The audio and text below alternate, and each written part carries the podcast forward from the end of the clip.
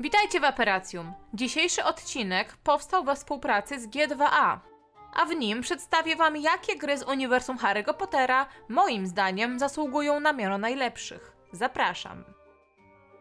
Przez lata miałam okazję zagrać w wiele gier z tego uniwersum. Wszystkie części podstawowych gier, jakie wyszły na komputery, jak i w kilka gier na telefon. Jednak odkładając nostalgię na bok, myślę, że na największą uwagę zasługuje część Harry Potter i Książę Półkrwi. Otwarty świat, możliwość używania wielu zaklęć, latanie na miotle oraz ważenie eliksirów. Pod tym względem gra mnie urzekła.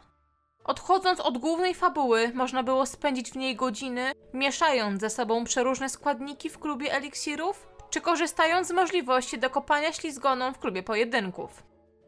Poza częścią piątą, gra zaczynała być już znośna graficznie, przez co bardzo chętnie wracam do niej co jakiś czas i nie zrażam się jej wyglądem.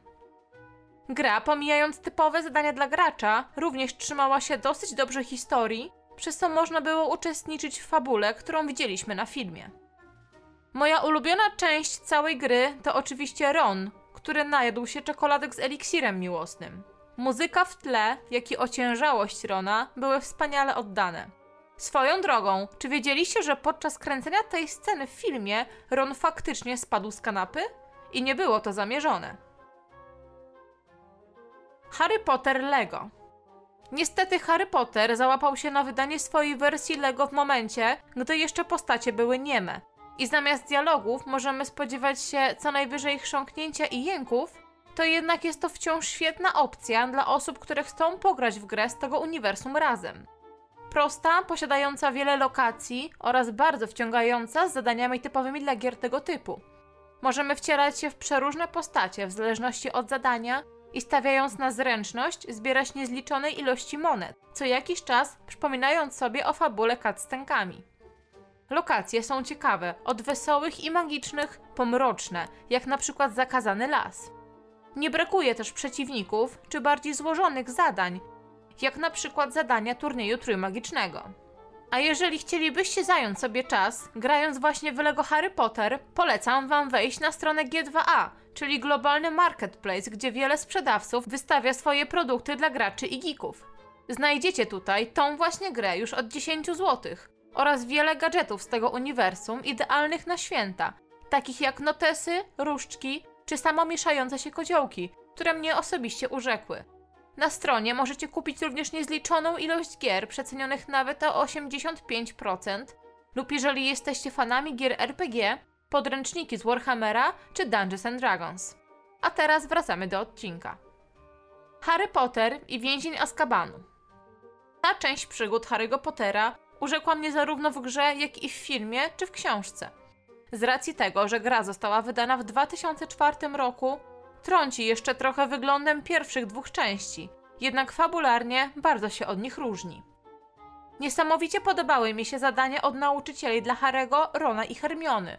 Gra zarówno zręcznościowa, jak i pięknie oddająca chłodne, kamienne wnętrze zamku Hogwart, które moim zdaniem było o wiele bardziej magicznie wykonane niż w innych częściach.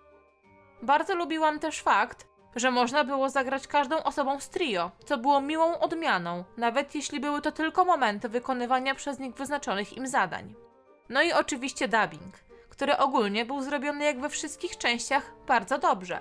Jednak jedna rzecz w mojej pamięci zostanie na zawsze, a mianowicie jęki, jakie wydają bohaterowie podczas skakania. Harry Potter i Zakon Feniksa. Po trzech latach i bardzo dziwnej części, jaką była Czara Ognia, dostajemy Zakon Feniksa. Lepiej wygląda, ma otwarty świat i mnóstwo zadań do wykonania. W tej części przede wszystkim podobała mi się mapa, która była dosyć czytelna i bardzo łatwo można było wybrać lokalizację, do jakiej chcemy się udać. Sama rozgrywka wydaje mi się, że była najciekawsza ze wszystkich części.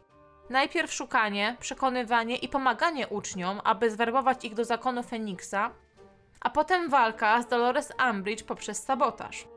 Zaklęcia w tej części już działały coraz lepiej i można było ich używać na większości przedmiotów. Na każdym roku gracz dostawał pomniejsze zadania, choćby od obrazów, które za hasło do skrótu wymagały od nas czegoś do zrobienia. Tak jak w szóstej części, można tutaj łazić, łazić i jeszcze raz łazić. Do eksploracji przygotowanych mamy dziesiątki pomieszczeń, gdzie w prawie każdym coś na nas czeka. Harry Potter Wizards Unit. Po wielkim sukcesie Pokémon Go, Harry Potter też pojawił się w rozszerzonej rzeczywistości na telefonach. Dla mnie największym plusem było samo to, że mogłam połączyć spacer z walką ze śmierciożercami czy pomaganiem innym czarodziejom i stworzeniom. Sama grafika była bardzo dobra, a przejście niektórych zadań nie było wcale tak banalne, jak można było się tego spodziewać po gierce na telefon. Bardzo podobało mi się odkrywanie poszczególnych lokacji poprzez wchodzenie do nich przez portale oraz to, że na drodze mogliśmy spotkać wiele karczm oraz niesamowitych stworzeń, które występowały w filmach Fantastyczne Zwierzęta i jak je znaleźć. To wszystko na dziś. Dajcie znać w komentarzach, jakie gry Wam się najbardziej podobały i do których najchętniej wracacie. I na brodę Merlina dajcie łapkę w górę.